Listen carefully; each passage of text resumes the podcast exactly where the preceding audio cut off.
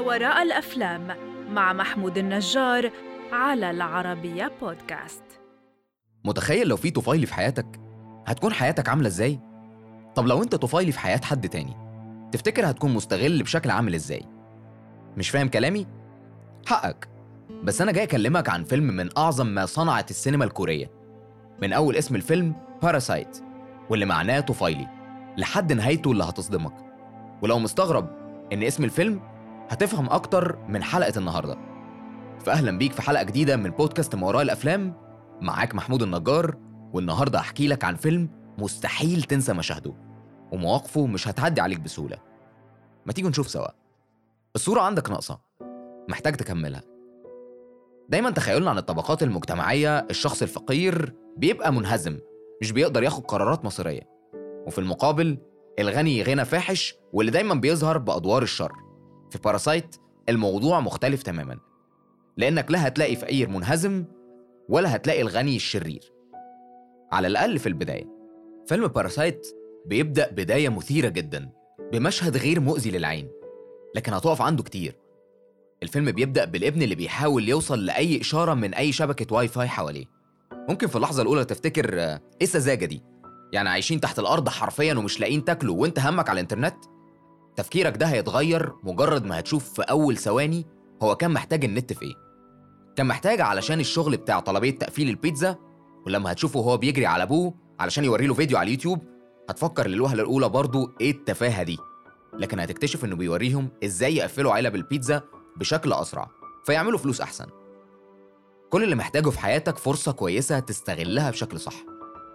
عيلة كيم العيلة الفقيرة حالتهم هتبدأ تتحسن لما واحد من أصدقاء الابن بيعرض عليه يبقى مدرس اللغة الإنجليزية مكانه عند عيلة غنية.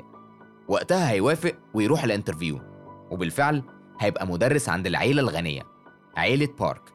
واللي ما تعرفوش إن زور شهادته الجامعية ولما أهله سخروا من حماسه بشكل كوميدي وهو رايح ال interview قال لهم أنا بس طبعت الشهادة بدري شوية لكن أنا مخطط فعلا أدخل الجامعة دي في المستقبل. فوالده بيبص له بصة مش هتقدر تحدد معناها وهيقول له إذا لديك خطة مش هكمل لك إيه اللي حصل هنا بس خليني أقول لك جملة من أعظم الجمل اللي اتقالت في Parasite وإن كان مكانه آخر الفيلم في لحظة مليانة يأس وألم على عيلة كيم الولد بيقول وهو منهزم جدا لأبوه هنعمل إيه؟ قال له You know what kind of plan never fails? No plan. No plan at all. Do you know why?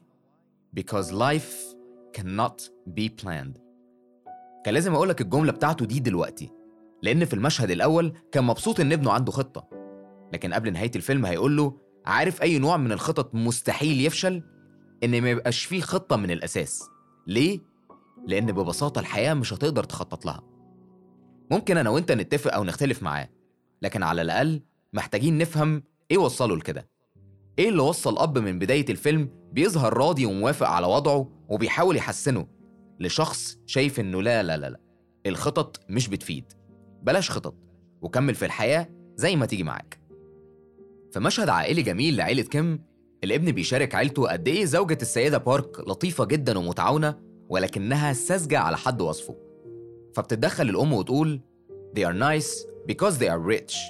وهنا ممكن تسأل نفسك هل فعلا السيدة بارك لطيفة علشان ده طبعها ولا لأنها غنية فمش شايلة هم حاجة وبالتالي شخصيتها هادية ولطيفة غير مبالية بالعالم اللي بره أصلا. أحداث الفيلم بتتغير من مشهد للتاني. فبعد ما كان الابن بس اللي شغال عند العيلة الغنية عيلة السيد بارك بقت عيلة كيم كلها شغالة هناك. في سلسلة من الترشيحات اللي ما يعرفش عنها أي حاجة من عيلة بارك واللي كل اعتقادهم إن الناس دول ما يعرفوش بعض غير عن طريق شغل. لكن ما يعرفوش خالص إن دول عيلة كاملة. ممكن علشان كده اختيار اسم Parasite اختيار مميز جدا. لأن ده اللي بيعمله الطفيلي بيبدأ يتسلل جوه العاقل من غير ما يحس لحد ما يملك كل اللي هو عايزه من غير برضه ما يكون حاسس بده. مش بيبدأ العقل ياخد باله غير في النهاية لما يكون حقق هدفه ووصل للي عايزه خلاص. بس برضه مش عايزين نكون بنشوف الصورة من ناحية واحدة لأن ميزة من ضمن مميزات باراسايت إنك مش هتقدر تنحاز لأي عيلة من العيلتين بسبب إن الفيلم كله عامل كده أساسا. يعني مش هتقدر تحس في الفيلم لا من ناحية الكتابة ولا الإخراج إنه بيحاول يخليك تميل لناحية معينة. بالعكس أنت الحاكم الوحيد في الموقف ده وأنت اللي هتقرر يا ترى مين طفيلي في حياة مين. هل عيلة كيم هم اللي فعلا احتلوا بيت عائلة بارك وبيستغلوا كل حاجة في العيلة؟ ولا عيلة بارك بتتغذى بكبريائهم على عيلة كيم وإنهم بيحاولوا يظهروا في كل موقف قد إيه هم أغنياء؟ في الحالة دي عيلة بارك العيلة الغنية هي الطفيلية عند عيلة كيم. مش عايزك تتسرع في ردك أو حكمك دلوقتي وخلينا نكمل الآخر جايز دلوقتي تكون شايف حاجة وفي الآخر هتغير رأيك ويلا نشوف الصورة كاملة سوا لحظة الانفجار اللحظة اللي هتغير مسار القصة في الوقت اللي عيلة كيم مستخبية تحت ترابيزة علشان السيد والسيدة بارك ما يعرفوش إنهم في البيت أصلا السيد بارك بيقول لمراته What is it? Like an old radish. No. Do you know when you boil a rag? It smells like that. بيشتكي من ريحة السيد كيم وبيوصفها وصف سيء جدا. مراته بتقول له ده راجل كبير طبيعي يعني يكون كده. لكنه بيصر على رأيه وإن ريحة السيد كيم لا تطاق. كل ده وكيم سامع كل حاجة. المشهد ده من المشاهد العظيمة جدا. لأن كيم ما اتكلمش ولا كلمة لكن مشاعره كلها ظهرت على ملامحه وقتها. وقد إيه هو اتأذى نفسيا. ودي كانت اللحظة اللي هتغير مسار القصة.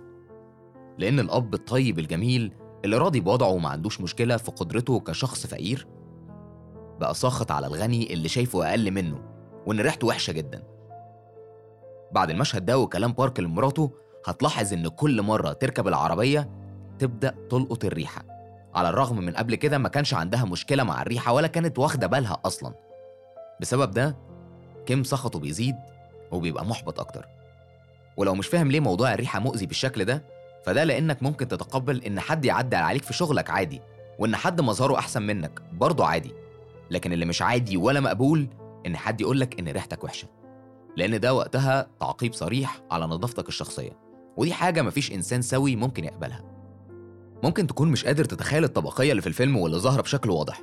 لكن في مشهد بارك مع مراته بيقول لها If there is one thing I hate it is the people who cross the line. هو بيكره جدا الأشخاص اللي بيتجاوزوا حدودهم معاه مش بسبب تجاوزهم الحد نفسه لكن ده مدلول عند بارك بالمستوى الاجتماعي. فإزاي السواق الخاص بتاعه يشيل الحدود دي وهو في الأول وفي الآخر سواق؟ يعني بارك أعلى وكيم بالنسبة له أقل. فرفض بشكل مطلق إنه يبقى فيه أي كسر لأي حد من الحدود. الذكاء ممكن يخليك تاكل كويس وتعيش عيشة كريمة بس الحب هو اللي هينقذ حياتك. في مشهد من أعظم مشاهد الفيلم لما ابن بارك هيدخل في أزمة وبنت كيم هتتضرب بالسكينة. كيم بيختار ينقذ بنته لكن في الوقت ده ابنه هيكون بينزف لحد الموت في المطبخ. واللي هتروح وسط الزحمة تشيله وتجري بيه وسط الدوشة وإن كل واحد بيحاول يهرب من الوضع الجنوني اللي بيحصل هي بنت بارك. وهنا خلينا نفتكر أول لقاء بين بنت بارك وابن كيم. فيلم Parasite اتعلمنا منه حاجات كتير الحقيقة. زي إن الفقير زمان كان اللي مش لاقي ياكل أو يشرب أو حتى مش لاقي مكان يعيش فيه. لكن الفقير دلوقتي اللي ما عندوش الأدوات اللي تخليه حتى يعيش ويوفر لنفسه فرص أحسن. زي الإنترنت اللي بسببه ما كانش في حد في العيلة قدر يشتغل وبالتالي حياتهم كانت هتنتهي. الفرص كده كده جاية بس أنت دايما خليك مستعد ليها كويس لما تيجي علشان تكون قدها. منظورنا للأمور بيختلف لما نبدأ نشوف الصورة كاملة. فقبل ما تحكم على أي حاجة اصبر وتأكد إنك شايفها كاملة. الغني مش دايما شرير ولا الفقير دايما طيب. الغني مش دايما مبسوط ولا الفقير دايما ساخط. مفيش قاعدة ثابتة نقدر نمشي عليها كلنا لأن مهما حاولنا الحياة بتفرض علينا قواعدها. بصراحة في طفيليات تانيين في الفيلم ما حكيتش عنهم. أنا هستناك تشاركني رأيك في الفيلم وتقول لي مين من العائلات يعتبر طفيلي بالنسبة للتاني ومين العاقل من وجهة نظرك. ويا ترى كنت في صف عيلة كيم ولا بارك؟ كنت شايف إن عيلة بارك على الرغم من لطفهم يستاهلوا اللي حصل؟ ولا عيلة كيم مش غلطانة وكانوا بيحاولوا يحسنوا فرصهم الشخصية؟ والأهم من ده كله والسؤال اللي شغل بالي الحقيقة إزاي عيلة بمستوى الذكاء ده عطل عن العمل؟ عندهم ذكاء خلاهم يدخلوا بيت عيلة غنية وكلهم يشتغلوا فيه. فيا ترى إيه اللي وصلهم لمرحلة البطالة أصلا؟ هستناك تشاركني رأيك لأن رأيك يهمني. واستناني الحلقة اللي جاية في فيلم مميز جديد في بودكاست ما وراء الأفلام المقدم من العربية بودكاست. هستناك تشاركني رأيك لأنه يهمني أعرفه.